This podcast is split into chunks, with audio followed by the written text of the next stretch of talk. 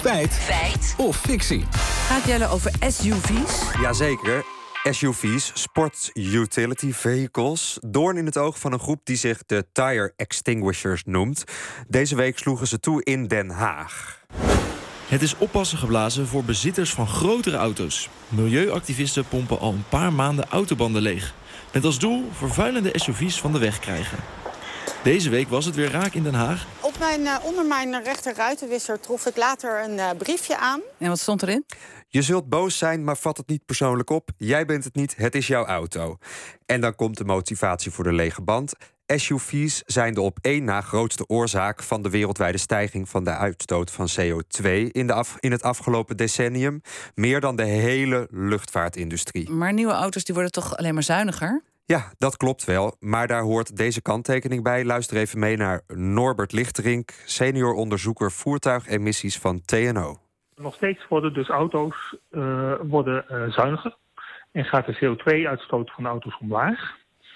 Maar uh, ja, ruim de helft daarvan ja, valt er weg doordat, doordat mensen gro grotere en zwaardere auto's zijn, zijn gaan rijden. En dat zijn dan juist die SUV's? Exact. Die zijn zwaarder en ze hebben meer luchtweerstand. Zeker als je veel op de snelweg rijdt, dan heb je dus inderdaad heb je hogere CO2-uitstoot, omdat die auto gewoon groter is, een groter frontaal oppervlak, meer wind vangt en daardoor meer weerstand heeft. Maar zijn er dan zoveel van die SUV's wereldwijd dat hun aandeel in de toename van die uh, CO2-uitstoot dat die zo groot is? In 2010 reden er wereldwijd nog maar 30 miljoen SUV's rond. Inmiddels zijn dat er meer dan 200 miljoen.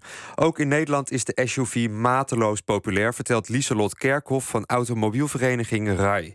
Uh, om een beeld te geven, de afgelopen jaar, zijn net uh, de jaarcijfers bekend geworden over 2022, zijn er zo'n 148.000 dan zie je eigenlijk dat bijna de helft van de nieuw verkochte auto's vorig jaar een SUV was. Maar goed, dan, dan die claim hè, van die club die die banden leeg laat lopen. Die zeggen dat SUV's de op één na grootste oorzaak van de wereldwijde stijging van CO2-uitstoot is.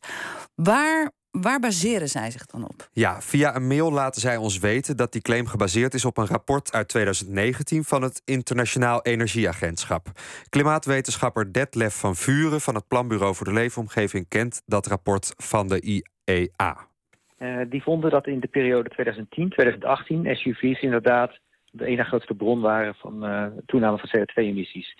Uh, en de toename van de emissies door SUV's uh, is in de orde van ruim 500 megaton CO2. En dat is heel veel. Maar wat stond er dan op één? De elektriciteitssector. Ah, okay. Die zijn de allergrootste reden dat de CO2-uitstoot wereldwijd groeit. Dan vooral uh, dan gaat het vooral om kolencentrales in China. Wereldwijd komt de stroomopwekking dan, de stroomopwekking dan op. Bijna 1500 megaton. Hè, maar een bijdrage van 500 megaton is groter dan de bijdrage bijvoorbeeld van, de, van het vliegverkeer of van uh, uh, trucks. Oké, okay. SUV's zijn de op één na grootste oorzaak van de wereldwijde stijging van de uitstoot van CO2 in het afgelopen decennium. Is dat ja, een feit of fictie? Het is toch echt een feit. Oké. Okay.